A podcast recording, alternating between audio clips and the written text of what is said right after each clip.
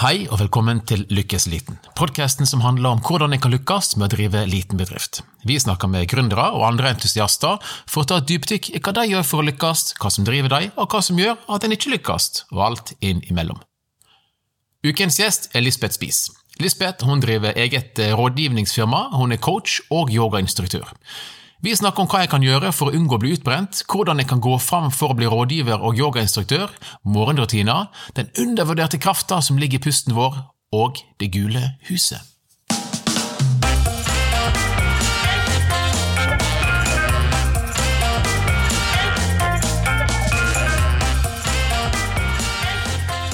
Hei og velkommen til Lykkes liten, Lisbeth. Stå til. Det står bra til. Så bra. Du har jo hatt ei veldig spennende uke, og det skal vi komme litt tilbake til. Men først så ønsker jeg at du skal forklare litt hva er det du holder på med? Ja, altså jeg eh, holder på med litt forskjellig. Jeg eh, driver jo for meg sjøl og um, har drevet med mye innenfor eh, kommunikasjon og markedsføring, eh, konsulenttjenester. Eh, holder foredrag, arrangerer konferanser, eh, kurs. Og eh, nå senest så har jeg tatt en yogalærerutdannelse og blitt yogalærer.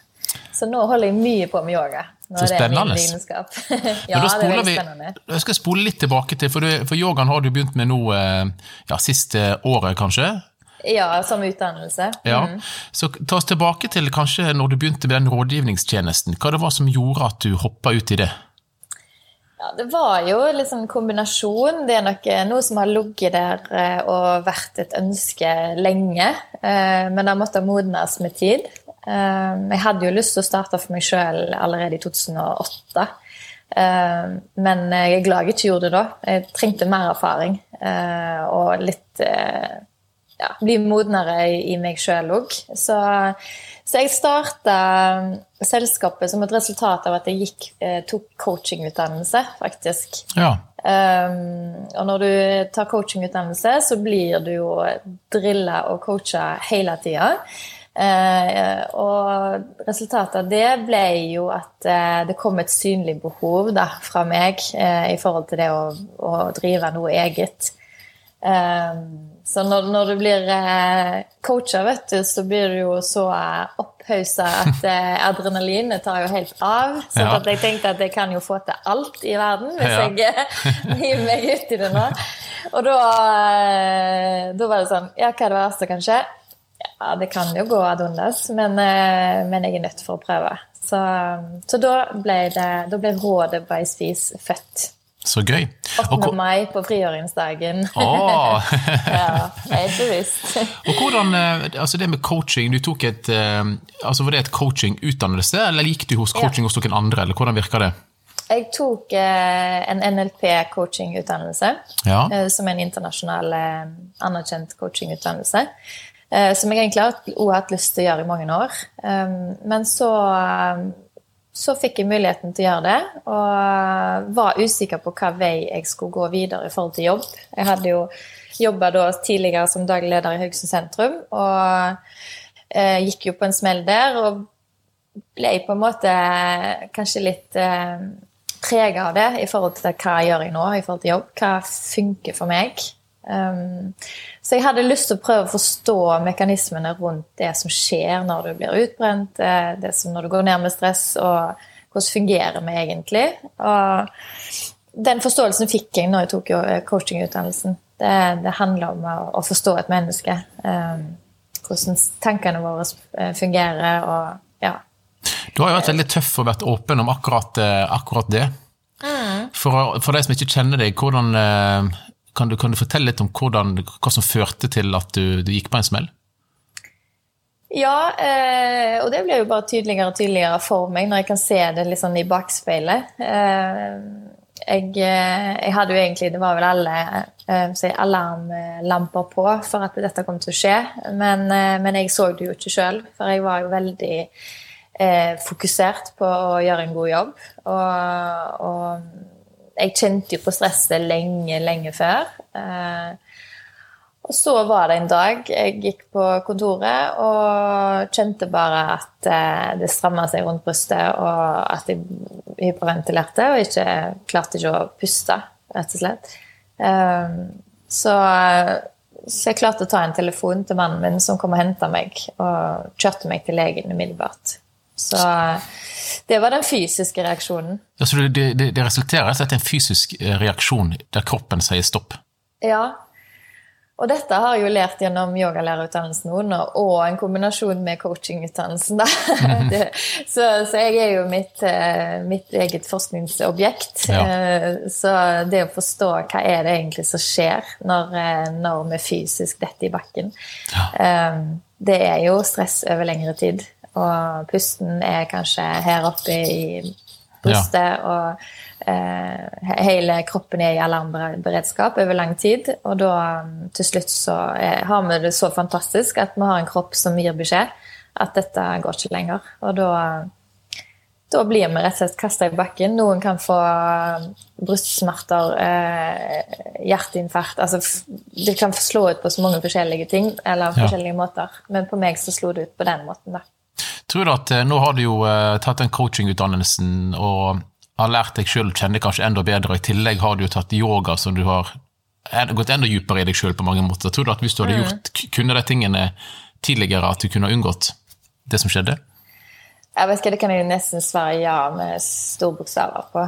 Det, den, den eh, kjennskapen og kunnskapen jeg har nå til, til å lytte innover, den, den, er helt eh, Den er fantastisk. Den er verdifull. Eh, og den, den, tok ikke jeg noe kontakt med i det hele tatt. For jeg, jeg tillot meg ikke å lytte. Jeg bare gønna på. Hva, bør vi eh, Altså, jeg driver jo liten drift og har hatt mange stressperioder med mye stress. og, og mange av de som hører på, er jo eh, folk som driver jeg for seg sjøl, og har kanskje et litt høyere stressnivå enn andre òg, på mange måter. Hva, hva, kan vi tenke litt på det underveis for oss å prøve å unngå unngå å få det for vanskelig? Jeg tenker jo at eh, det er viktig å sette grenser. Eh, vi er jo flinke kanskje til å oppdra våre unger eh, med å sette grenser, eh, fordi de ikke skal flyte fritt, eh, og at de skal bli noen, noenlunde oppdratt, eh, oppføre seg overfor andre. Det å sette grenser for oss sjøl er vi kanskje ikke like flinke til. Eh, vi bygger hus, eh, vi lager tomt, eh, vi setter opp gjerde, vi setter opp hekk for å beskytte tomta vår mot andre inntrengere. Men vi er ikke så flinke til å sette opp gjerde rundt vår egen, vårt eget selv. Altså, så det å, å, vite hvor går mine grenser, hvor, ja. Hvor, hvor langt kan jeg gå, og hva er viktig for meg, hva trenger jeg å ta hensyn til ta pauser, puste.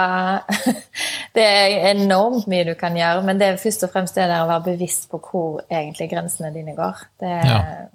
det er kanskje der jeg gikk på en skikkelig smell, fordi jeg, jeg var grenseløs. Altså, alle kunne tråkke på meg til enhver tid, og ikke minst meg sjøl, for jeg hadde jo altfor høye ambisjoner, altfor mye jeg skulle få gjort.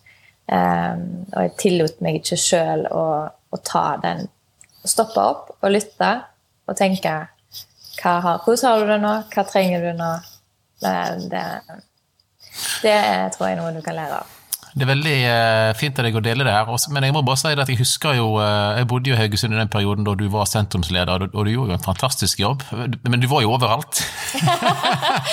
ja, akkurat. Så hvis vi går tilbake, da, da kjente ikke jeg deg like godt, kanskje, men du var jo veldig flink Nei. og tydelig i alt du holdt på med, og du var masse i media, og du gjorde mange innovative ting, og det, ja, det var veldig masse som skjedde i Haugesund sentrum i den perioden, så jeg kan jo skjønne at du hadde vanvittig mye på tallerkenen din. da.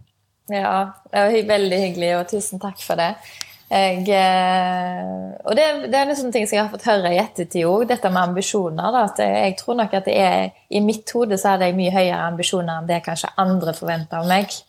Uh, og det er en, en, viktig lærdom for meg sjøl å se at det, det, er Noen ganger så er det greit at ting er bare helt bra nok. En trenger ja. ikke å alltid overdra seg sjøl. Og og det er jo når du driver for deg sjøl, og det er at eh, du kan ikke alltid være nyskaper på alle områder hele tida. Noen ganger så er det bra nok med, med melk og brød eh, ja. og basisting. Og så kan en være nyskaper på noen områder. Lurt. Og når du begynner med en rådgivnings... Tar du med deg noe av dette inn i rådgivningstjenesten din òg, eller er det mer eh, businessrelaterte ting? Jo, jeg gjør jo det, absolutt. For det, det som jeg ser eh, kanskje har vært min styrke, det er jo det å få det der menneskelige perspektivet. Eh, for i en organisasjon så er det ofte veldig fokus på, på økonomi, på lønnsomhet, på strategier, framtidsretta Um, og effektivitet og denne type ting. Og så er det mennesker oppi det hele som, som er i organisasjonen, som òg trenger å bli sett, som òg trenger å bli forstått, og som òg trenger å bli inkludert. Og jeg tror at hvis du har en, en, god leder som er flink til å se sine, sine ansatte, og som er, som er flink til å dra folk inn under den samme paraplyen og bygge alt på det samme fundamentet, de samme verdigrunnlagene, så tror jeg at en unngår mye mer stress og fortvilelse og usikkerhet og alle disse typer ting. For det er noe med å få folk med på, på laget. Og det, den er jo min egen erfaring. Og så er det kanskje en kombinasjon med at jeg har eh, ledererfaring, og, og coachingen, den, den blir veldig passer veldig godt inn i den settingen. Er det sånn én-til-én-coaching, eller er det gruppecoaching eh, der du går inn i team, eller hvordan virker det? Når jeg jobber i en bedrift, f.eks. hvis jeg skal jobbe med strategiplaner, da, så kan jeg gå inn og jobbe med én-til-én som et eh, som, en, eh, som, det grunnleggende arbeidet for å hente ut informasjon fra en og en ansatt. Og Så kan en begynne å jobbe med grupper for å finne fram f.eks. de verdiene som er viktige i organisasjonen. Og Da er de kommet fra en og en ansatt.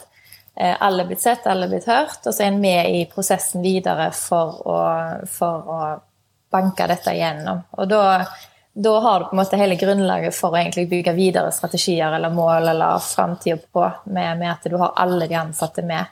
Um, så det kan en gjøre Jeg, jeg foretrekker jo å coache én til én, ja. fordi da Det er jo et tillitsforhold, og jeg er jo veldig opptatt av at det som er i det rommet, det blir i det rommet. Og, og folk kan få reaksjoner. Det kan komme fram ting fra fortida, det kan komme personlige ting. Ehm, så det at en kommer fra utsida og er en objektiv part eh, eh, i organisasjonen, det kan være veldig forløsende. Ja. Sånn at eh, det som rapporteres videre, er eventuelt det som kommer ut som viktige verdier, som kanskje ikke de ansatte heller er klar over har stor betydning for dem. Så det hjelper å få noen utenfra, da? Som kan ha et litt ja, annet perspektiv? blir nesten som en type bedriftshelsetjeneste eller eh, ja, en veileder som kommer fra utsida, som er egentlig helt objektiv.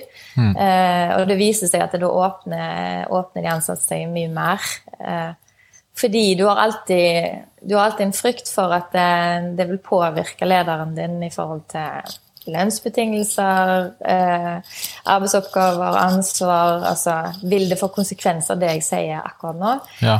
Eh, så, så, det, ja, så det viser seg å ha en stor effekt, altså. Jeg leste en bok som heter 'Trillion Dollar Coach'. Det er en typisk sånn amerikansk tittel på ja. en bok. Ja, det hører jeg.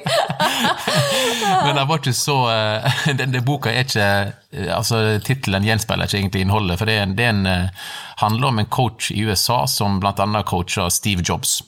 Ja. Så det bare viser at disse her, altså alle trenger ofte et perspektiv utenfra. For i bedrifter så har du en rolle du skal kanskje holde, som leder f.eks., så har du en rolle du skal ha. Det er ikke alltid du kan ytre deg slik du ønsker, og du kan ikke være like åpen på enkeltområder som du ønsker Nei. for å få tilbakemeldinger. Da, så da trenger du noen utenfra. Men det boken mm. kan virkelig anbefale. Ja, den skal jeg notere meg. Trillion dollar coach. Men det, det, det, tittelen er jo litt sånn fordi at han coacher jo folk som eh, hadde omsetning ja. i, i, selskapene sine for liksom så uendelig mye penger. Så hvorfor valgte du den boka? Tittelen? Nei da. Akkurat. Nei, jeg, fikk, jeg, hørte, jeg, hørte, om det på en annen podkast. ja, ok. Ja. Nei, men jeg tror òg altså, som leder så er det vanskelig å lede mange forskjellige mennesker. Da. for det er jo så, eh, det er så sammensatt. Og det er jo det jeg har forstått nå gjennom coachingen sjøl. At jo mer jeg lærer, jo mer ydmyk blir jeg jo. Fordi at eh, det, det, å forstå ett og ett menneske med deres bakgrunn, med deres historie, med deres kultur, religion altså Det er så veldig mange ting. Ja. Uh, og hvis ikke du skjønner det, så er det vanskelig å få deg med eh, i den takten du ønsker. da. Og det, han, Trillion Dollar Coach han var litt kjent for å være liksom brutalt ærlig. Klarer ja. du å komme inn og være det? Er det ikke det vanskelig? ja, altså i, uh, i, coachingen så stiller du jo bare spørsmål. Så det, det er egentlig de, de, du coacher, som snakker. Ja. Uh, så sannheten kommer egentlig fram fra de sjøl. Ja. Og der kan det komme ting fram som de ikke er klar over sjøl òg. Mm. Og det handler jo om å ta ut potensialet da, i hver enkelt menneske. og så er vi så enkle, og dette viser studier òg, at det å bli sett, det å bli hørt, det har mye større effekt enn en tablett. Altså, ja, ja. det at en faktisk blir sett og hørt, det har en veldig stor betydning. Vi har to ører og én munn, så det Det er akkurat det.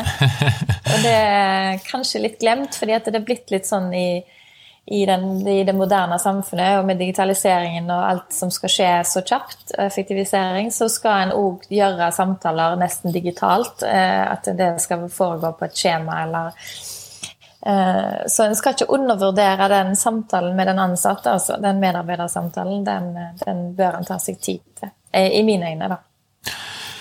Veldig bra. Da tar vi en kort liten pause, og etterpå skal vi gå inn på dette her med, med yoga litt nærmere. Det blir spennende. Tinga er bedrifter bak podkasten Lykkes liten. I Tinga ønsker vi mest av alt å gjøre det lettere å handle for små bedrifter, gjerne lokale. Vi har nå lansert beta-versjonen av Markedsplass-appen vår, og ser etter bedrifter som ønsker å teste appen i sitt salgsarbeid.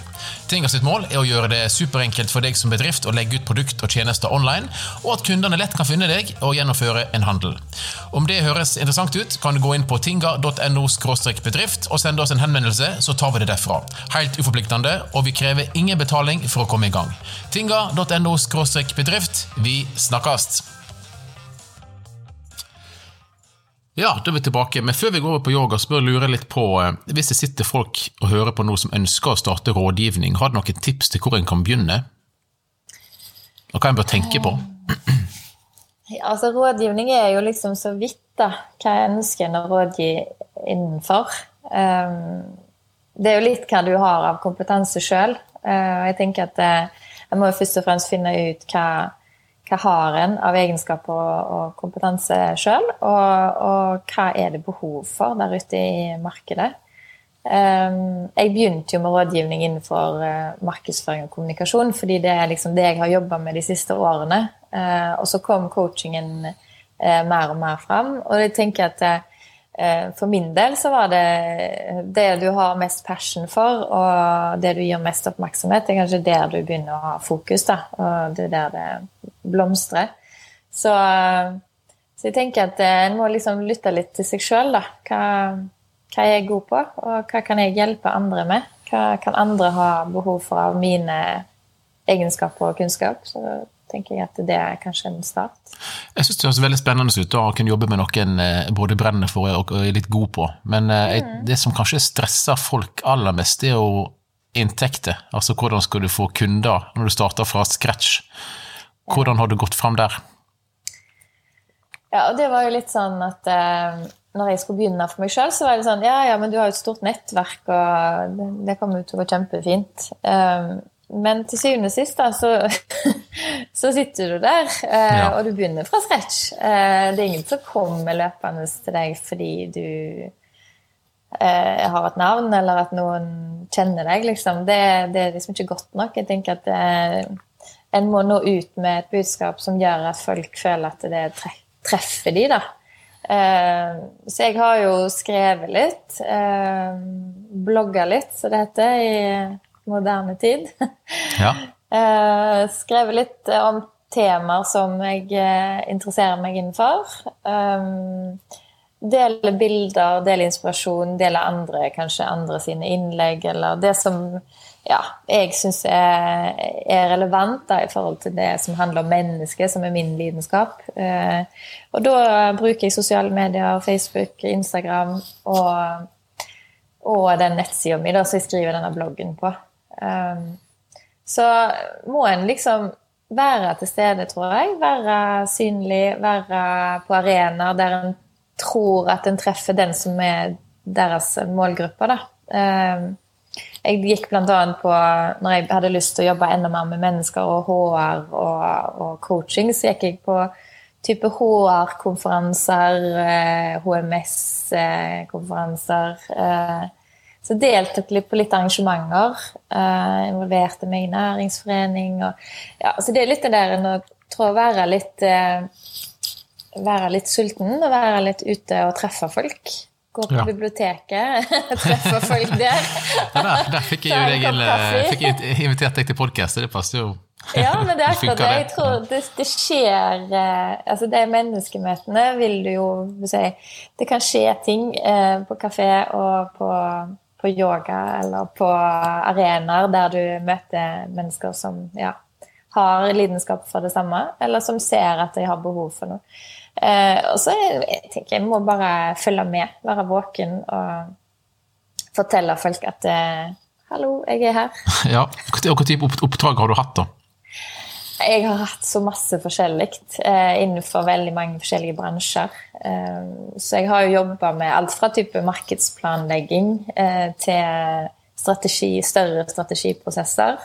Til coaching av ansatte, til å bygge team, til å jobbe med verdier. Eh, eh, ja, det har vært eh, og ja, så jeg jobber jo med større kunder som jeg jobber over lengre tid med, sånn som type Kystbussen, som jeg har jobba med i flere år. Som gjør mye Da er jeg deres markedsperson her på, i denne regionen. De bor jo, på seg bor, de holder til i Bergen. Ja. Eh, så det er liksom Ja, det har vært et veldig, veldig sånn vidt spekter, og det er så tilfeldig at det blir som det blir. Men jeg tror når du får den første kunden, og du har en erfaring og du har en referanse, så er det lettere å få den neste. Ja. Så, så, begynner en å Ja. Erfaring er jo superviktig. Så, ja. det, så det Ja. Og så hopper du på yoga, da. Kan du fortelle litt om, eh, om det? det er jo eh, Så jeg er jo et eh, menneske som har ofte hatt mange jern i ilden og mange prosjekter på en gang. Og kan bli litt overivrig, så jeg kjente jo igjen at jeg fikk en liten sånn minismell. så litt jeg hadde starta for meg sjøl. Uh, eh, og så tenkte jeg hva er det som skjer nå? Men nå kunne jeg liksom bruke uh, coaching-erfaringen uh, og kunnskapen til å begynne å se meg sjøl fra utsida og tenke at hva er det? Hva er det med meg som gjør at jeg går på de smellene? Og da måtte jeg grave dypere, rett og slett. Mhm. Ikke bare jobbe på overflaten, men, men komme liksom til bunns i det. Da. Og det, yogaen har jo jeg holdt på med i snart ti år nå. Uh, og alltid kom tilbake til yogaen når det har vært perioder der det har vært mye stress. Um, da i form av yoga, Går du på et kurs, eller gjør du det hjemme, eller en kombinasjon? Da har jeg eh, gått på yogakurs eh, hos forskjellige instruktører eh, i, her i Haugesund. da. Så da har det vært fysisk til stede. Ja, det, Funker det eh, best? Jeg syns det funker best. Eh, det er en helt annen energi når du ja. er i et rom med andre som gjør yoga. Så når du gjør det hjemme, så kan det fungere bra. Det har fungert bra tror jeg, for mange nå i denne koronatida. Det er et godt alternativ. Men eh, jeg tror det, det er noe med å møte folk og være i det samme rommet og gjøre yoga. Det er bra. Ja. Nei, men da i alle fall så tok jeg valget. Eh, tenkte nå Eller jeg ble utfordra, og det ble jeg egentlig når jeg skulle starte for meg sjøl. Og jeg ble utfordra. Eh, og jeg er jo veldig lett å bli utfordra. Av, av, en god venn eller en mann, eller hvem som av, eh, en, eh, Ikke min mann, men av en annen mann. Ja. Jeg var på et, en workshop der det var to yogainstruktører, veldig dyktige. han ene heter Kunal, han er indisk og har jo dette med seg fra opprinnelsen.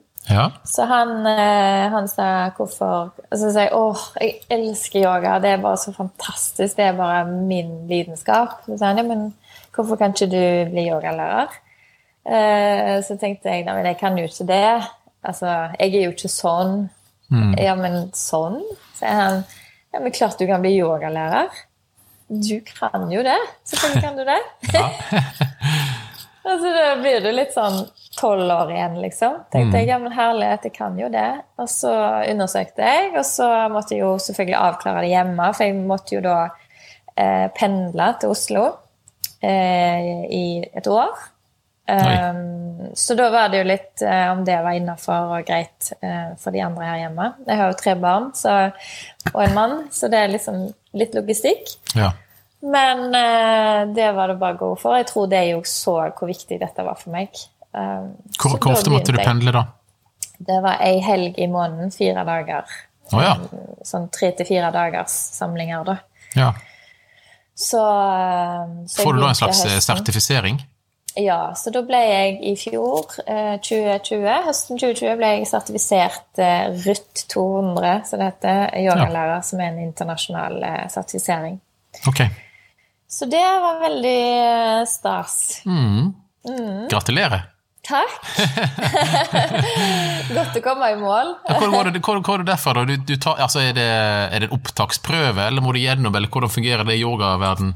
Ja, nei, det er jo eksamen. Ja, vi har hatt oppgaver gjennom hele studiene. da, ja. Eh, så vi har levert inn oppgaver, skriftlige oppgaver. Vi har hatt mye anatomi, så vi har hatt eksamen i anatomi. Eh, og vi har hatt eh, praktiske oppgaver der vi har lagd yogaprogram og innenfor ulike temaer som vi har levert inn underveis. Og så har vi hatt uh, ja, forskjellig. Så vi hadde med en avsluttende eksamen i, uh, der vi hadde ei ukes yoga-retreat med masse undervisning, og en avsluttende eksamen da, som var en 90 minutters uh, yogaundervisning da, okay. med sensorer til stede. Så da har du fått dette her sertifiseringa, da. og Hvor går du ja. derfra for å begynne å undervise? Ja, så det er jo litt sånn der eh, Ok, nå er jeg her. Eh, jeg føler jo Jeg blir mer og mer ydmyk jo mer jeg lærer. Så jeg bare blitt liksom dette faget er svært. Ja. Eh, men underveis har jeg vært heldig og fått undervise egentlig hele studieperioden. For jeg fikk jo en jobb som yogalærer på Haugesund Turnforening. Ja. for jeg har jo undervist venner og kjente hjemme, og fordi du skal undervise hele veien underveis i studiene. Så du skal være i praksis. Um, men da fikk jeg jo en jobb, så da hadde jeg plutselig to klasser i uka. Um, ja. Sånn at uh, jeg ble jo virkelig kasta ut i det. Um, og det var veldig mange andre som, som, ikke gjorde det, for å si det sånn. Så det mm. var jo litt sånn skrekkblanda fryd. Men uh, jeg tok jo den tilliten og tenkte at nå må jeg bare Men du har vel alltid hatt den tøffheten at du, du tør å kaste deg sjøl ut i litt uh, ukjent farvann? Ja, jeg har nok det, dessverre. Altså, det er jo for godt og vondt, det da. men, men, jeg ler jo underveis at jeg kanskje skal lære meg å holde litt igjen. Eh, ja. til jeg vet at dette er Men eh, samtidig, da, jeg tror hvis du skal være gründer og du skal få til ting, så er du nødt for å kaste deg ut i, ut i det. Um, fordi at det er det er veldig trygt og godt å være der en er, men, men nyskapning skjer jo der ute idet du tar steget. Um, og da er, det, er du på kanten, men, men, da er det en eller annen form for skjerping i ja. systemet òg som skjer at eh, ok, nå er det alvor, nå må jeg bare nå må jeg handle. Uh, og vi, vi, er kanskje litt sånn. Når vi er litt under press, så, så handler vi enda bedre. Det er nok for mange av oss som utsetter ting hele tida, og da blir det jo aldri noe av. Nei. På et eller annet tidspunkt så må du hoppe ut i det likevel. Ja, det er akkurat det. Og det er ikke for alle. Det er jo helt klart eh, Vi er jo forskjellige der. Noen har behov for den tryggheten og er trygghetssøkende. Men, men jeg tenker jo at hvis du har ei lita boble i magen, og du kjenner at ah, jeg har en god idé, eller jeg har så lyst til å prøve dette ute i markedet, så tenker jeg ja, hvorfor ikke? Mm. Altså, hva er det verste som skal skje? Det er, det er, ikke noe skam å mislykkes. Det, det, må vi bare bli enige om en gang for alle. Og hvordan, var, Var du nervøs da foran den første time? Ja, det var jeg. Eh, for jeg er nok litt sånn òg at eh, jeg, jeg er litt enkel på det. At jeg kanskje jeg jeg hiver meg ut i ting, og så syns jeg ja, det er gøy og kjempe kjenner ikke på den nervøsiteten. Men når noe er viktig, så kjenner du at å, da kommer den der en sug i magen, og eh, du kjenner på en måte at eh, nå har jeg liksom makta i hendene mine, på en måte. At nå ja. kommer det folk til meg, og, og de har tillit til at jeg kan det jeg holder på med. Ja. så, så, det er klart at du har jo ikke lyst til å liksom dumme deg helt ut. Og, men igjen, da, så tenker jeg at det å være seg sjøl og tørre å bare ha tillit til det, det er jo Og så er vi bare mennesker. Og ja. mennesker gjør feil, og, og, det er helt greit. Og jeg tror andre òg opplever at åh, det er en lettelse å se at andre gjør feil. Men det gikk jo sikkert fint? Det gikk fint. Ja, jeg ser det. det gjorde egentlig det. det, ja. Ja. Du, du, har håret litt bort til mikrofonen. Jeg kjenner igjen den lyden, for jeg har en utvikler som har langt skjegg. Og han får oh, ja. Eh, mikrofonen bort til skjegget, så jeg har sånn der videokonferanse. ja, det må vi ikke ha. Jeg skal ta det vekk. Ja, det skal ikke klippe det av. ja, det skal ikke ha på meg her. Nei, det vil jeg ikke. Men eh, ja, så da hadde du gjort det første, og så uh, begynte du Ja, da, da jobba du jo for deg, og har du jobba i andre studier òg, eller? Har ja, er det turnforeninga du jobber hos? Uh, så var jeg så heldig jeg, jeg trente jo på Sentrum Yoga sjøl, og, og, de var jo veldig imøtekommende og, og åpne for å starte en dialog ganske tidlig. Så, så jeg har liksom, føler jeg har gått litt i lære der òg både å ha deltatt masse på timer, men så fikk jeg jo mulighet til å undervise der òg. Så, så, jeg har hatt en del timer eh, hos deg òg, og det har vært eh, veldig, veldig gøy. Det er jo på en måte et proft yogastudio, mm. så, så det, det, var veldig kjekt. Så den kombinasjonen med å få jobbe med deg i Turnforeningen og deg på Sentrum Yoga, det har vært helt strålende. Men denne uka her da, så, så jeg et svært eh, oppslag i avisa der du hadde fått deg eh, eget lokal og eget studio. Ja. så du har jo valgt å gå videre der òg? Ja da, det er det er liksom òg, for jeg sier jo til folk rundt meg at nei, nå skal jeg liksom roe ned, og så skal jeg liksom holde meg litt ferie og bare liksom finne ut hva jeg skal videre og sånn. Og så har jeg jo en sånn boblende greie inni meg da, at når ting begynner å skje, så må jeg bare handle. Da var det sånn, Dette dukka opp som en mulighet, og jeg skulle bruke et år på å finne et lokale. Ja. Og det gikk liksom to dager. og da har jeg tenkt ok, jeg, i, i, coachingen da, så heter det når du er veldig visuell, så er du veldig sånn kjapptenkende. Mm -hmm. uh, det betyr at du ser bilder, uh, og du handler nesten før du har liksom kommet ut av dørene. Altså du er veldig, veldig kjapp med å ta avgjørelser. Ja. Eh, og det kan jeg jo se på tilbake gjennom hele mitt liv, så, så, har jo det vært sånn. På godt og vondt, som jeg sa tidligere. Men, men, eh, men intuisjonen er blitt sterkere, og magefølelsen er jo Og det handler jo om erfaring òg, med det, den, det en har holdt på med. At eh, du kjenner kjappere at jo, dette er rett, dette har jeg lyst til.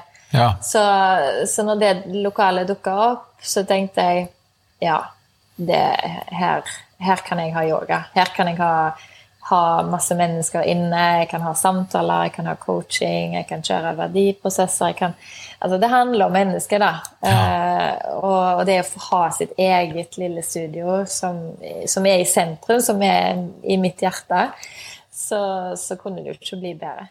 Nei, og det er jo eh, det du sier med intuisjon, tror jeg er veldig viktig. Men jeg tror òg eh, at det er noe en lærer litt til eldre en blir. Altså Den magefølelsen kommer jo fra en plass. Det er ikke bare sånn ja. tilfeldig at den dukker opp. Nei. Og det er litt basert på at du kjenner deg sjøl bedre, det er basert tror jeg, på alle erfaringene du har, og, og hva du vil framover. Så jeg mm. merker jo sjøl at det er lettere å føle meg trygg i ting nå. Mm. Sjøl om en kaster seg ut på ting som en ikke kan, som podkast, har jo jeg aldri Vi sleit litt med Du får det jo til. ja, ja, jeg gjør jo det. Så lenge ikke alt stopper opp, altså. Men uh, det er noe med det at eh, det bare gjør jeg, og så ja. lager vi det, holder vi på med det en god stund, og hvis det blir noe folk har lyst til å ha mer av, så gjør vi mer. Og hvis ikke, så er ikke det verdens undergang. Nei, og det er det, jeg tror det er det det handler om. Jeg tror ikke vi skal ta det som verdens undergang hvis ikke vi eh, fortsette med ting. Altså, for vi er jo i utvikling hele tida, og det er jo prosesser. og, og så ser vi nå, Det jo, ser du jo ofte i gründerbedrifter òg, så det, har de begynt med ett eh, produkt. Så viser det seg at det de tjener penger på, er noe helt annet. Ja, det har jo jeg opplevd sjøl. Ja, sant, det har du jo. Og det, det, det, tror jeg er noe med at en, en må være åpen for, for, det som kommer på veien. Og ja. veien blir til mens en går, som en sier. Og litt det jeg uttalte i avisa òg, at det, jeg har ikke så lyst til å liksom låse meg til ett konsept, for, for, jeg vet at eh, jeg vet hva jeg brenner for, jeg vet hva jeg har kompetanse på. Eh, og så er det litt Det skal jo matche markedet, det skal matche kundene. altså Det er jo det der å finne ut underveis at Å, dette fungerte bra. Eller Nei, dette fungerte ikke så bra. Men det er helt greit. Det liksom elimineres hele veien. Så, ja. så en må jo på en måte ja, bruke tida til å bare det er litt sånn, eh, litt sånn med flaks òg, for når du leser intervju med, med, flinke, dyktige ledere og kanskje gründere som har lykkes, så sier de ofte at de hadde masse flaks òg. Ja. Hadde går tid med masse flaks, og det, og det, tror jeg eh, en har. Men det som viser seg, er at du må sette deg i en posisjon for å ta imot den flaksen når den først kommer. Ja. For alle, for alle, får jo flaks av og til, men det er bare, ja. du, må, du, må, faktisk være der og kunne se den, og den flak, være der og kunne ja. se at her kan jeg ha flaks. Ja. Og det, det, er ikke tilfeldig. Det har noe Nei. med måten du jobber på, og måten ja. du setter deg sjøl opp, og eh, ting du våger å gjøre. Så, det, så flaks, nok, eh, flaks, og muligheter er nok en god del av det bildet, men, men, det er ikke tilfeldig. Det er ikke det, og jeg tror at, og dette handler jo om åpenhet òg. Altså, det handler jo om å se seg rundt. Altså, hvis vi har skylapper på, og vi har bare dundrer på hele tida, så ser vi jo ikke det som er rundt oss. Nei. Eh, men idet vi stopper opp og snur oss og ser oss rundt, så er det kanskje Oi, det, det, kan du se tilbake på i livet i mange tilfeller der det er noe du har ønska veldig sterkt. Ja. Så, så, så, er det veldig mye synligere. Eh, ja. Og, og da, sånn, ja. ja, da kan jeg ikke bare sitte foran dataen hele dagen heller. Jeg må faktisk Nei gå vekk fra det hele for å reflektere. Ja. og Det er da på en måte ideene kan komme, og refleksjonene ja. komme. Så jeg tror, jeg tror mange òg eh, tenker på at jobb bør være å sitte ti timer om dagen og bare dundre på og, og produsere. Ja. Men da tror jeg du går glipp av veldig, veldig masse. Og jeg tror det er der som er nøkkelen nå, at det er det jeg har funnet ut at sånn som meditasjon, da, som jeg bruker veldig mye eh, Meditasjon gjør jo at eh, du får tankene og hjernen til å hvile. Eh, og du åpner plutselig opp for ny kapasitet. Og du den, når du får den stillheten, så kommer det lettere til deg det som er altså, nye tanker eller nye ideer. Altså, kreativiteten øker jo. Det er jo, det er jo bevist at kreativ, kreativiteten øker med meditasjon. Mm. Eh, også magefølelsen. Du får mye mer kontakt med magefølelsen og intuisjonen når du tar deg sånne stille øyeblikk. Om du kaller det meditasjon, eller om du kaller det om du er ute og fisker, eller om du går deg en tur ut i naturen, eller Men, men den der å tillate seg å ha stillhet, så Og dette sier Steven Spielberg. Eh, den der lille stemmen, den som nesten bare hvisker Altså, du, du, knapt hører den. Sånn, når det er en drøm, når det er en sånn ekte, ekte drøm, så kan det være han bare hvisker inn i mm. øret ditt. Du knapt hører den. Yes. Og da må du faktisk lytte. Ja. Hvis ikke du lytter, så kan det være du går glipp av noe. Ja. Er for opptatt til å lytte. Dette med meditasjon er jo litt, uh, har jeg prøvd litt sjøl òg. Hva, hva, type meditasjon er det du gjør? Altså, Hører du på en app, eller sitter du uten lyd, eller er du inne eller er du ute? Hva, hva er din rutine der?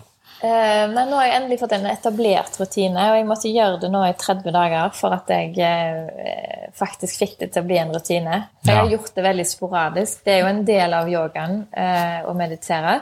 Eh, men det å sette seg ned eh, som en del av hverdagsrutinen, det har jeg gjort nå i år.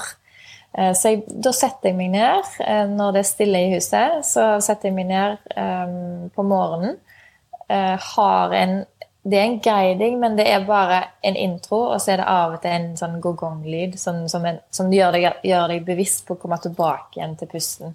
Ja. Så dette er vipassana meditation. Vipassana? Ja. Så det ja. ligger på YouTube. Um, så det er en type meditasjon som, som hele veien har et sånn fokus på å komme tilbake til pusten. Så ja. pusten er liksom eh, verktøyet, da. Uh, ellers er det stille. Så uh, det fungerer for meg, den gongongen. Av og til så blir det sånn Oi, nå var jeg ute og fløy i tankene, og da blir ja. du henta tilbake igjen.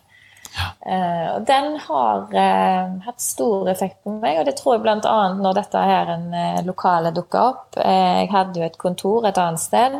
Fant ut at nå må jeg bare avslutte det, for det trenger jeg ikke lenger. Den bevisstheten kom veldig tydelig da. Ja. Og når du lukker ei dør, åpner det seg en ny ofte. Da så jeg dette lokalet. Så, så det, det, ting skjer, men jeg tror at det, det Hvis en bare holder karusellen i gang og bare gønner på, eh, så tror jeg at en blir så blind i forhold til det å kunne se rundt seg hva som faktisk skjer av muligheter. Det Jeg prøvde òg en app som heter Waking Up, med som heter Sam Harris. Han har forresten ja. podkast på Spotify som er, litt, som er, veldig bra. Han er vel filosof, tror jeg og jeg Lurer på om han er en slags uh, nevrolog. Så han, han ja. kjenner veldig masse til hjernen og hvordan vi tenker, og hva som skal til for at ting skal fungere. Men han uh, jeg har prøvd en sånn 30 dagers uh, introkurs som han hadde, da. og det var gratis ja. på appen. og Hvis du vil fortsette, så kan du fortsette. Ja. Men jeg kjente jo det at uh, en blei roligere i forhold til omgivelsene. Ja. At det som skjedde utafor Du tok ikke altså jeg, ble, jeg, fikk ikke de følelsesmessige reaksjonene på eksterne ting som jeg kanskje gjorde tidligere. Og det var veldig sånn behagelig. At jeg bare jeg sto og observerte mer ja, og lot ting bare akkurat. passere. Og det, sånn, det, er en deilig følelse å ha den kontrollen. Ja, for det er det de sier. Du, du får jo denne avstanden fra egoet, som du kaller tanke, tankesettet. da, At du, du får mer eh, eh, Ja, du får den distansen, rett og slett. Ja. Og da kan du observere, og du kan se at dette handler om tankene mine, dette er ikke meg. altså Uh, og det er utrolig interessant. Altså. Og det er jo det som jeg sa litt innledningsvis, jeg vet ikke om jeg kommer inn på det, men dette med morgenrutiner. Ja. Uh, skal jeg si litt om det? Det er veldig fint å snakke om rutiner. Ja. Det er et uh, veldig bra tema. Fordi det er jo noe jeg har funnet ut på veien her. Da, at Jeg har blitt anbefalt å meditere i mange år, men jeg har jo aldri tatt det på alvor. Jeg har tenkt ja, ja, jeg skal gjøre det, og så får jeg det ikke til, og så setter jeg meg ned, og så blir det bare masse tankegreier, og så nei. Så, så, nå har jeg jo Jeg tok jo en pustecoach-utdannelse òg i høst. Oi. Så, så jeg er jo pustecoach. Yes. Så det, det kommer jeg jo til å sette opp uh, kurs om i det nye lokalet mitt. Uh, for pust er jo helt relevant her. Det er jo så Pusten er jo autonome, men den er òg viljestyrt. Så det når jeg gikk på en smell, så, så har jo jeg hatt pusten i brystet. Jeg har ikke tatt Puste skikkelig med magen, fordi muskulaturen spenner seg når du er i stress. Så du har ikke tilgang til pusten, rett og slett. Ehm, så du drar ikke pusten gjennom kroppen. Samtidig som nervesystemet er så overaktivt at du er i det som kalles fight or flight-modus. Ehm, det betyr at har det, er det sympatiske nervesystemet som er overaktivt. Og det er akkurat det samme som om du hadde vært i i jungelen, og det, det, det, står en svær tiger foran deg og skal angripe deg. Ja. Det er den samme sjokktilstanden eh, kroppen går i. Og da slår han av brytere i kroppen eh, på organer som ikke en trenger. Mm -hmm. eh, og det gjør jo at eh, når du har denne tilstanden over lengre tid, så kollapser jo systemet. Og det kollapser yes. jo da på forskjellige måter. Så det, det, jeg jobber med med pust eh, og meditasjon og yoga, er at jeg kommer inn i det parasympatiske nervesystemet. Som, er, som roer ned systemet, og som gjør at eh, du føler deg trygg. Eh, eh og du finner roen. Og det eh, har jo jeg funnet ut eh, at hvis jeg skal få en god start på dagen, så må jeg ha kapasitet til å våkne før hele huset våkner. Ja. Um, så du er oppe det, før familien, da? Eh, ja, så jeg med, ja. står opp klokka kvart over seks. Ja. Um, og jeg mediterer, uh, eller jeg puster, eller jeg gjør noen yogaøvelser, eller jeg går en tur ut i naturen. Ja. Uh, jeg har hund, så, så annenhver dag så, så, går jeg ut med den. ja, Men det er òg en form for avkobling, føler du? At du forbereder dagen med å gå den turen? Og det handler om stillhet. Det mm. handler om at det, det er ikke det første jeg gjør. Jeg har lagt inn en begrensning på telefonen min. Altså, Jeg er så enkel at jeg har rett og slett lagt inn skjermtid på telefonen min. Har du det? Fordi er det mulig? jeg tror jeg er sånn at jeg lett kan bli avhengig. Det er sånn foreldreappen for deg sjøl? Ja. jeg må rett og slett være streng med meg sjøl. Ja, ja, ja. Eh, Men vi sliter jo mange med det, altså. og den, må, den kommer ikke på før klokka sju. Så da vet jeg at eh, jeg står opp kvart over seks, og fram til sju så er ikke jeg på telefonen. Altså, kobler du, Kan ikke folk ringe deg engang? Nei. Eller det vet jeg faktisk ikke. Nei. Okay. Eh, det, men det er faktisk et eh, kanskje litt relevant spørsmål. Eller hvis det skulle skje noe. Det må jeg finne ja. ut av. Ja, ja, men, ikke, ikke, ikke, la meg ødelegge morgenrutinen din nå. Alt er liksom Han er i, i mod nattmodus. Ja, ja. Et, etter klokka ti på kvelden. Ja. Uh, så um, Men jeg skal si det at jeg, jeg jukser litt på kvelden da, av og til. Ja. Uh, men, men, det jeg har funnet ut, er at uh, jeg kan ikke våkne samtidig som resten av uh, familien. fordi da blir jeg mye mer kortpusta, jeg blir mye mer hissige, jeg blir kortere lunta. Altså, fordi jeg har ikke fått tid til å ja, falle på plass sjøl. Ja. Så det viser jo hva, hva, akkurat dette, hva effekt dette har på hjernen vår og systemet vårt. Og det er sikkert litt det som du gjorde med den wake up. Uh, Waking up, ja. ja det, men jeg er helt enig med deg. Jeg òg uh, jeg, står opp ti minutter etter deg. Ja. Fem på halv. ja, så bra. Men da har jeg 35 minutter før eh, resten av familien står opp. Ja, jeg gjør det? Nei, nå i år har jeg vært veldig flink. Altså, for jeg har, eh, jeg har hatt litt uh, Etter jeg har passert 40, så har jeg, jeg har aldri vært skada før. Men jeg er jo glad i å spille tennis og sånt, og jogge. Ja, Men så har jeg ja. fått sånn muskelavrivning i leggen, og så har jeg fått skulderskade. Så jeg tenkte nå må jeg bare bygge opp litt sånn, eh, litt sånn kjernemuskulatur, da. Begynner på yoga, du, hører jeg. Kanskje det jeg må gjøre. Men det er ikke det jeg gjør. Nei. Nei, så det jeg gjør om morgenen, det er at jeg rett og slett tar en sånn 20 minutts eh, kropps... Uh, øvelse på en YouTube-video med matte på gulvet. Så det begynner jeg med på 20 minutter. Så da tar jeg kroppen, og så uh, Det er sånn full body workout, som det heter. Det var bare en tilfeldig video jeg fant. Den første som popper opp, egentlig. Og så har jeg funnet ja. flere seinere. Hver dag? Ja, fire ganger i uka i alle fall gjør jeg det. Ja. Av og til litt, litt, hvis jeg har gjort et eller annet kvelden før så jeg er sliten, og hvis kroppen sier at jeg er jeg trenger, I dag gjør ikke det, så gjør ikke det. Men jeg, eh, men jeg er litt streng med meg sjøl, så jeg står opp fem på halv, ja, og da har jeg fem minutter på å komme, komme i shotsen og være klar til klokka halv. Strenge. Ja, og så tar jeg da en uh, dusj og er klar da når alle står klokka sju. Så er jeg ferdig. Og, så tar jeg, og hvordan har du det da? Det er fantastisk, for da er jeg ja. rolig, avslappa. Jeg føler dagen er jo starta kjempebra. Altså Allerede har jeg jo vunnet, på en måte, føler jeg. Ja. Allerede er dagen kommet ut uh, Jeg har allerede trent. Jeg trenger ikke å trene mer i løpet av den dagen. Jeg er ferdig, jeg er klar. Mm. Og, og, det du sier med at du er litt mindre stressa om morgenen der. Mm. For da, mm. da, begynner jeg med frokost og det ene og det andre som skal til. Men, eh, og når eh, ungene er ute av huset klokka åtte, da, så er jeg klar for jobb. Men jeg tror det er litt det der med at eh, vi velger å ta vare på oss sjøl først, før vi tar de andre. Altså ta på deg ja. oksygenmaske før du tar ja, ja, ja, Men jeg tror det er det, og jeg tror det er der vi veldig ofte glemmer, glemmer oss litt ut. da, fordi at eh, vi er jo skapt sånn at vi skal være flinke, og vi skal ordne, og vi skal legge til rette, og vi skal få gjort ting. Men, men, eh, men, det er så nødvendig at vi velger å legge den energien og omsorgen og pleien i oss sjøl. Ja.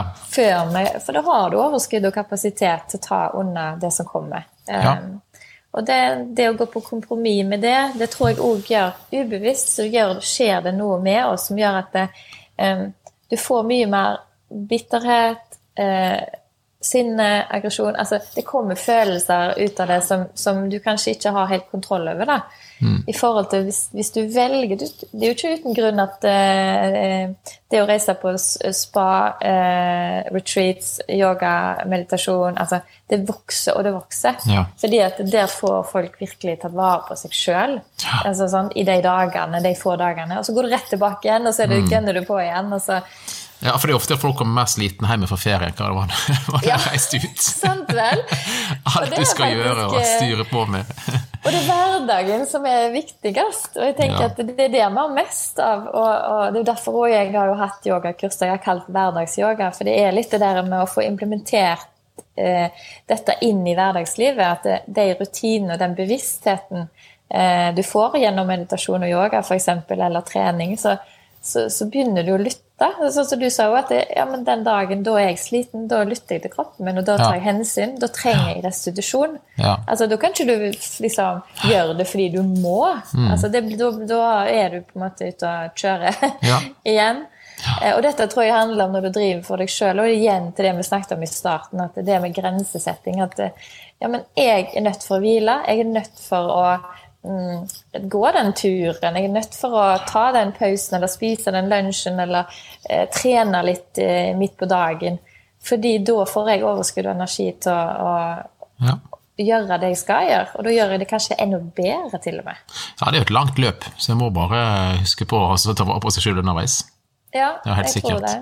Jeg tror det. Nå hadde jeg et spørsmål der jeg skulle det, spørre deg hvorfor jeg bør begynne med yoga, men jeg tror jeg har fått det med meg. er du overbevist? Ja, det må bare om å finne tid i alt det andre en holder på med. ja, ja, det er det. Men jeg, Men jeg tenker, det. Sånne, ja. Da jeg bodde i Frankrike, så hadde de jo sånne her I den, i den co-working spacen jeg hadde, så hadde de yoga på taket sånn to-tre ganger i uka. Det kunne melde seg på. Og Det er sånn mm. lettbeint yoga, sikkert, men lett å hive seg på, i alle fall. For det er på ja. jobben, og du slipper å gå for familien på kvelden og ut og inn og kjøre og sånt. Er det noe du har tenkt å gjøre? Altså Ha litt sånn eh, midt på dagen-yoga for folk som jobber? Ja, det har jeg veldig lyst til. Eh, igjen, da, så, så, som klok av skade, så tar jeg og bygger litt stein for stein. Eh, men, eh, men, jeg har veldig lyst til Og jeg ser for meg at yoga, lunsjyoga eller frokostyoga kan være ja. konsepter som funker bra Eh, for bedrifter, bl.a. Eh, og enkeltmennesker. Altså folk jobber jo skift og Ja. Eh, så det å få en god start på dagen og kanskje få litt guiding til det i starten, da, før du får etablert egne gode rutiner på det, så, så er det utrolig bra å gjøre yoga om morgenen. Um, og da liksom rolig yoga, og du får kontakt med pusten. og Som vi begge to har snakket om nettopp, det er jo det å få den der kapasiteten til å til å ha et roligere sinn når du går inn i dagen. Ja. Eh, det, det påvirker resten av dagen. Jeg ser jo, Nå har jeg jo hatt yoga for eh, Tada, reklamebyrå, eh, mm. om morgenen. Og da har jeg hatt kanskje en halvtimes yoga med deg. Eh, og da er det jo en rolig start, rolig pust. Eh, vi strekker på rygg, nakke, hofter, altså der som ofte sitter mye vondter. Eh, og en rolig avspenning til slutt. Uh, og jeg får jo tilbakemeldinger fra deg at dagen er helt annerledes uh, den dagen når jeg har vært der. Og det er jo enkle, små grep, men det har en stor betydning for resten av dagen. Og en investering i livet. Ja. Så, Hvordan er det for oss da, som har en veldig stiv kropp? Det må jo være ja. helsike som begynner med yoga, tenker jeg. Nei, vet du hva. Jeg sier det, og jeg mener det òg, at yoga er for alle. Altså det, det, det, det handler om å, å, ta det steg for steg. Eh, og, og, det er så enormt mye. Det som du ser på sosiale medier, du, det er jo for ekstremutøvere. Altså, det, er ikke, det er ikke for vanlige folk. Nei. Det er ofte veldig avanserte akrobatiske øvelser mm. fordi det selger. Men, eh, men, yoga er egentlig en livsstil. Altså det er en læremåte. Det er en kombinasjon av pust, meditasjon, bevegelse. Ja. Så, så, det kan være helt, helt rolig, og det passer for absolutt alle. Ja, så bra. Da skal vi, kan... vi skal sterkt vurdere det, Lisbeth. Ja, jeg syns du skal prøve det. da skal vi ta en ny pause, og etter pause skal vi ha ukens lynrunde. Og så skal du få lov å gi et råd til ditt 25 eh, år gamle selv. I Lykkes Liten ønsker vi å nå ut til alle som er engasjerte og glade i det å drive liten drift. For å nå ut til enda flere er det viktig med gode tilbakemeldinger. Om du liker det vi holder på med, setter vi derfor stor pris på om du legger igjen en anmeldelse der du hører podkast, f.eks. inne på podkast-appen din. Tusen takk for hjelpa. Ja, da er vi tilbake igjen, og nå eh, skal vi altså stille deg et spørsmål. Hva råd ville du gitt til ditt 25 år gamle selv? Oi jeg ville nok sagt at um, det kommer til å gå bra. Ikke, ikke, stress. Og ikke tenk på hva alle andre tenker, uh, men gjør det du sjøl syns er gøy å gjøre. Smart. En er nok i den alderen der så har han sikkert veldig eh, mer enn en vanlig eh, bevisst på hva andre syns om en, en sjøl. Mm, mm. Kan jeg tenke meg. Hvordan, jeg var veldig opptatt av anerkjennelse i den alderen sjøl. Ja, ja, det er vanskelig, det er en vanskelig, vanskelig bit. Mm. Um, når du skal starte yogastudio nå, hva er planene fremover da? Jeg, eh, jeg starter jo i nei, midten på april, eh, rett etter påske. Så da, eh, da vil jeg liksom bare komme på plass og ta med meg masse fine folk som jeg har på yogakurs allerede. Og bare komme i gang med de kursene. Jeg kommer til å ha kurs kanskje mandag, onsdag, søndag, sånn som jeg har hatt. Jeg har hatt onsdag, søndag nå, og så vil jeg sette opp et nybegynnerkurs om mandagen. Og så, så vil jeg liksom bygge litt sånn stein for stein. Bare være litt i lokalet og kjenne litt på hvordan eh, ja, hva som føles rett å gjøre. Jeg har veldig lyst til å starte med disse frokostyogaene og, og lunsjyoga. Så det er jo, når det er på dagtid og, og morgen, så er det litt lettere enn når du bruker alle kveldene på, på yogastudio. Så, ja. ja. For du skal jo kombinere dette med rådgivningsselskapet ditt, sant? Ja, så, så, jeg ser jo det at det blir jo mer, mer menneskefokus, da. Så er det meg eller deg som ringer? Uh, det kom det plutselig en telefon, men jeg, jeg er her ennå. Vi kan ta sånn live, eh, live, live, til eh, Nå skal jeg bare sånn reality ja, med deg sjøl. Hvordan, hvordan snakker Lisbeth? Å, det mor di, ja? jeg vet ikke om det er så passende.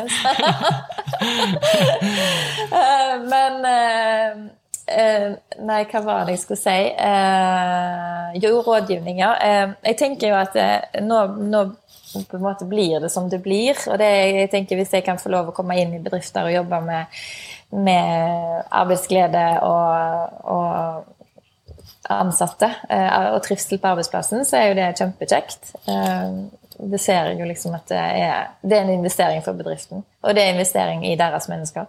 Så, så, jeg kommer vel til å kombinere det litt med det. At jeg får jobbe fortsatt ute i bedriftsmarkedet, og at jeg får ha alle disse fine menneskene inn i, i huset mitt.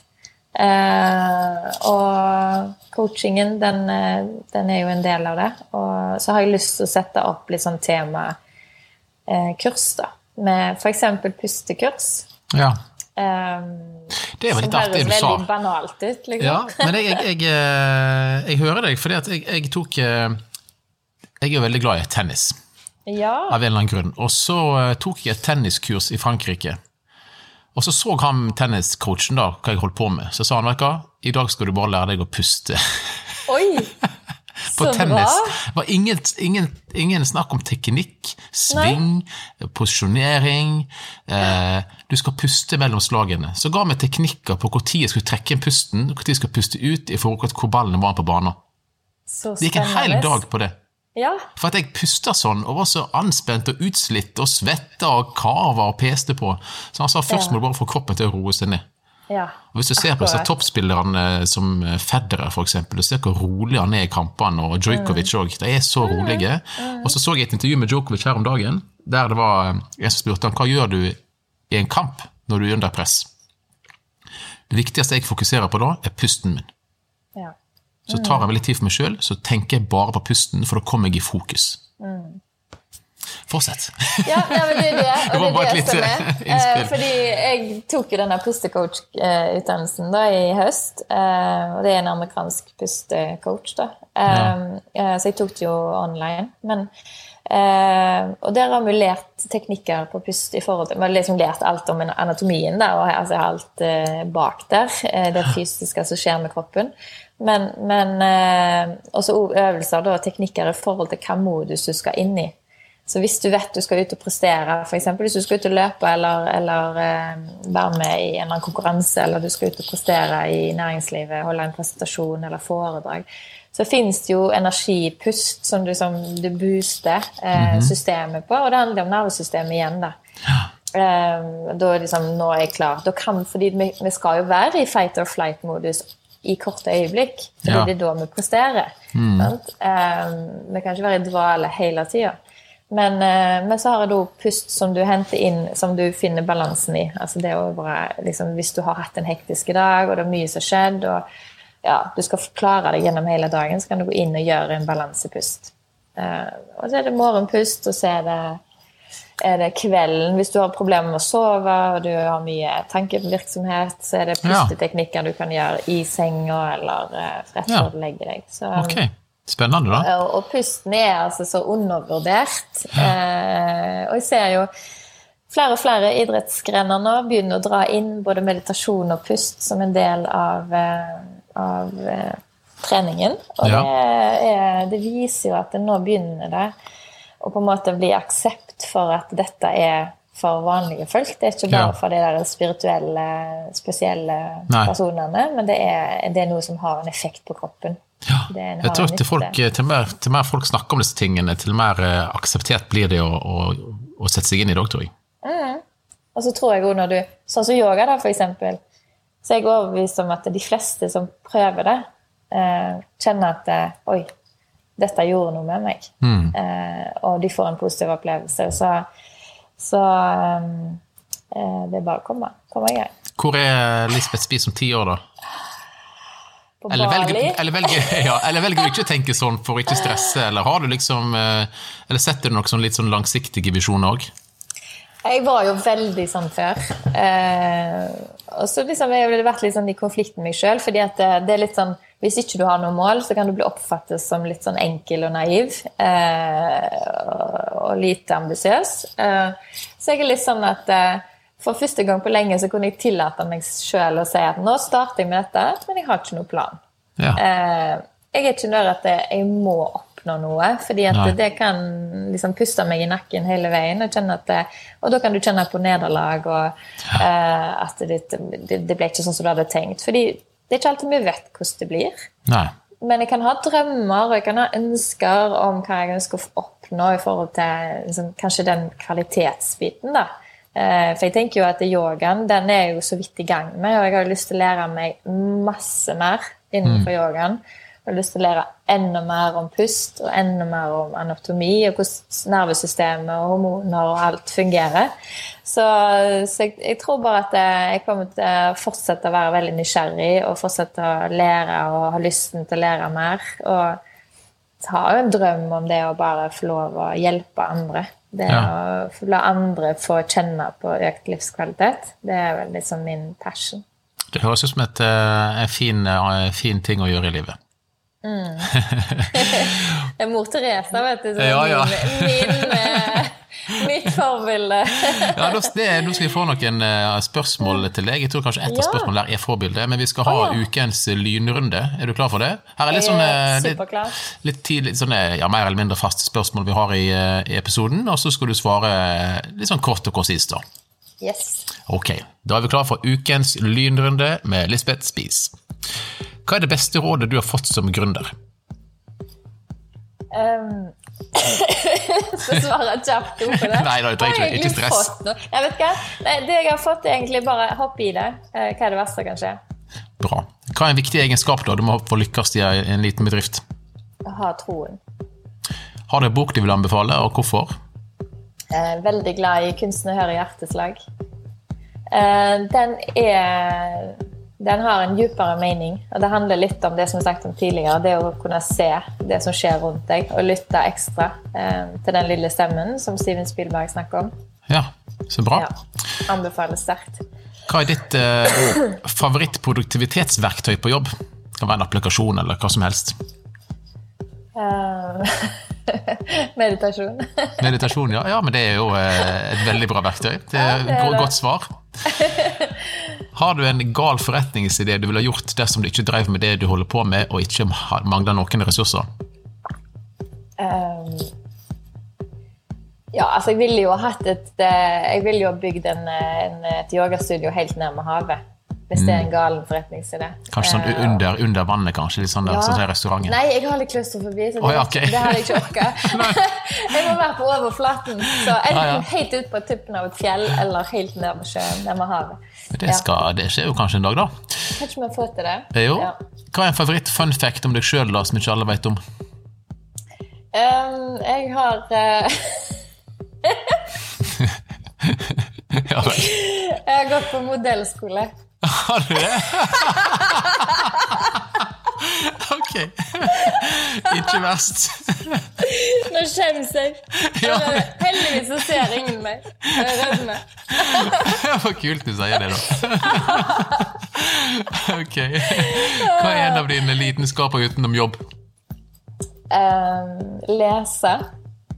Uh, ja. Mm -hmm. Lese og bade. Jeg elsker å bade. Ja, Du er som driver med sånn vinterbading, ikke du det? jo. Herlighet. Galskap. Anbefales. Ja.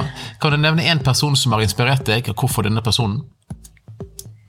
Um, ja, det er jo mor Teresa, da. Ja. Uh, altså, nei, inspirert meg. Det er vel litt sånn Jeg bare syns hun er et fantastisk flott forbilde. Uh, og bare kan sette seg sjøl liksom helt bak oss og hjelpe andre. Uh, bare sørge for at alle andre har det bra. Eh, jeg syns det er utrolig givende og inspirerende. Eh, ellers så er det på en måte vanlige mennesker som jeg møter, som inspirerer meg hver eneste dag. Du inspirerer meg. Jeg får ikke møte på biblioteket. Jeg elsker å gå på biblioteket, for der er det alle mulige mennesker. Jeg ble superinspirert når jeg satt i, i styret i Kirkens Bymisjon, f.eks. Møtte mm. alle typer mennesker der. Så, så jeg, jeg, er nok litt sånn der at eh, hverdagsmennesker eh, inspirerer ja. meg eh, veldig. Lurt.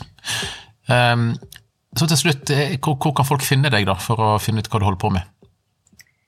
I det gule huset. I det gule huset, ja. Skal ha et navn på studioet ditt? Har du kommet så langt? Jeg tror eh, Skal jeg avsløre det nå? Nei, det trenger ikke du gjøre. Det kan For det blir Det gule huset. Blir det det? Så kult! Ja. ja fantastisk! Ja, Det var et kjempenavn, syns jeg. Er det ikke det? Jo, jo, jo. jo. Glimrende. Å, for en bra reaksjon. Det var, det var jeg ja, glad for. Jeg syns det var bra. Nei, det er bare så, Hvor er den? Ja, det er det gule huset. Ja. Mm, så lurt. Nei, det syns jeg var knallbra. Ja. Uh, og på, har du noen eh, Instagram-konto? Eh, ja, jeg er jo Lisbeth Spies på Instagram og Lisbeth Spies på Facebook.